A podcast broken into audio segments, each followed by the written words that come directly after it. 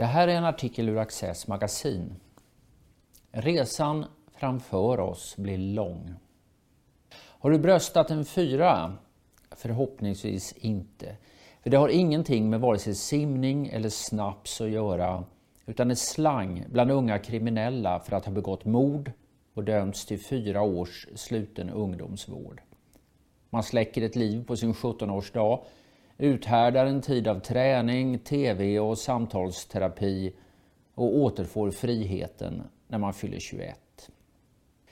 Vad blir då effekten av denna behandling? frågar polisinspektören Fredrik Kärrholm i den mycket läsvärda boken Gangstervåld och levererar ett nedslående svar. Citat. Av de som dömdes till sluten ungdomsvård 1999 till 2006 lagfördes 78 procent för nya brott inom fem år.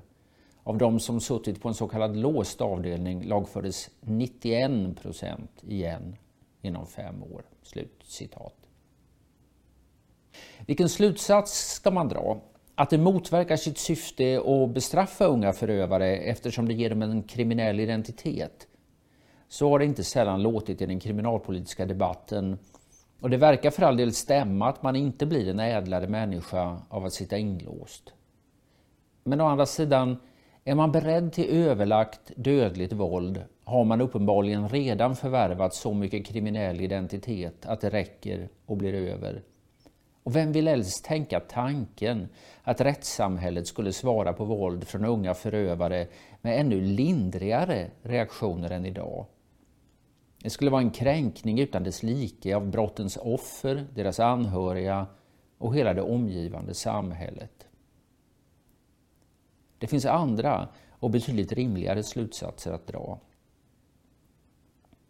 För det första att unga som begår ytterst grova brott bör dömas betydligt strängare än idag. Den som får åtta års inlåsning istället för fyra år blir kanske inte en bättre människa, men han är borta från gatan och förhindrad att fortsätta sin brottslighet under dubbelt så lång tid. I slutet av augusti dömdes fem unga svenska gängmedlemmar i dansk domstol för mord och mordförsök. De två som var 17 år när brotten begicks fick visserligen inte livstid som de tre andra, men de fick 20 års fängelse. Fem gånger så lång tid som hade varit sannolikt om morden skett i Sverige. Ingen vet hur de kommer att se på brottslighet den dag de till sist blir fria. Men under två decennier kommer de inte att kunna mörda, hota eller skada människor ute i samhället. För det andra måste tidiga tendenser till brottslighet mötas med tydliga reaktioner. Att det svenska rättssystemet tillämpar ungdomsrabatt på straffen ända upp till 21 års ålder speglar en gången tid. Då utgick man från att brottslingar var stackare som hade kommit på glid och inget hellre ville än komma tillbaka in i samhällsgemenskapens värme. Det håller inte i en miljö där 21-åringar kan vara garvade återfallsförbrytare och 17-åringar inte bara begår mopedstölder utan utpressning och grova våldsbrott. Citat. Vi har sett i många utredningar hur man utnyttjar unga killar som riskerar kortare straff som ett sätt att klättra i karriären och i extremfallen utföra mord. Slutcitat. Det säger Stefan Kirnan som är chef i polisens spaningssektion i Stockholm, Nord, till Svenska Dagbladet. Att unga mördare och våldsverkare ska kunna dömas till betydligt strängare straff betyder inte att alla unga som begår brott måste straffas på drakoniska sätt. Det angelägna är att de möter en snabb och kännbar motåtgärd och att man från det samlade samhällets sida är konsekvent med att det är lag och ordning som gäller. Det handlar om någon sorts straff för unga förövare, inklusive vissa av dem som är yngre än dagens strafffrihetsgräns på 15 år. Det handlar om att skolan måste få långt bättre möjligheter och skyldigheter att ingripa mot elever som hotar klasskamrater och lärare och förstör undervisningen. Det handlar om att upprätthålla en grundläggande ordning där kriminella och bråkstakar aldrig ska kunna göra sig breda. Kärrholm pekar på problemen med antisocialt dominansbeteende det vill säga att ungdomsgäng tar kommandot över offentliga rum genom att gapa, skrika, klottra, skräpa ner och uppträda allmänt hotfullt. Problemet har fått en del uppmärksamhet vad gäller bibliotek och simhallar, vilket nyligen fått Brottsförebyggande rådet att tala om tillträdesförbud. Men det förekommer även i kollektivtrafiken och mer allmänt på gator och torg. Beteendet skapar en osäker och obehaglig stämning och sänder signalen att det inte är medborgare och myndigheter utan andra krafter som håller i taktpinnen. Det i sin tur stärker gängens och gangstrarnas status och gör det mer attraktivt för unga pojkar att ansluta sig. I valet mellan att köra med folk och att vara den som blir körd med är det inte alltid tonåringar håller sig till den smala vägen.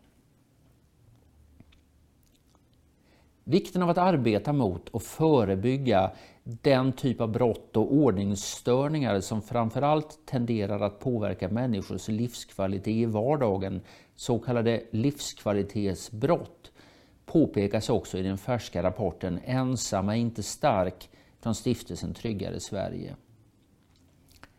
Dilemmat är att beteendet inte alltid är brottsligt utan bara olämpligt, vilket gör att polisen, ifall de skulle ha resurser till förfogande, inte har möjlighet att ingripa. Det är svårt att återerövra auktoritet som man har låtit gå förlorad.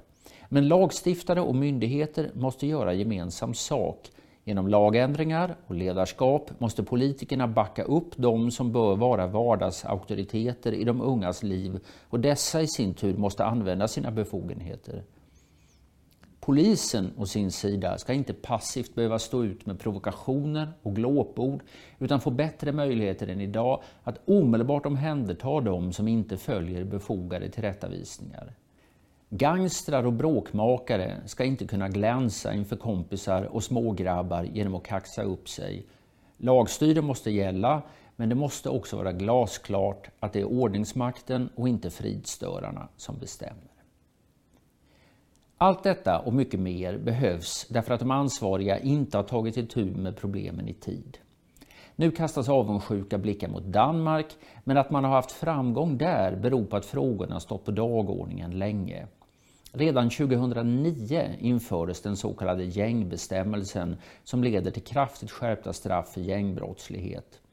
Domstolar kan utfärda vistelseförbud som hindrar frisläppta gängmedlemmar från att återvända till gamla jaktmarker. Det kan införas tillfälliga visitationszoner där människor kan visiteras utan att det finns misstanke om brott.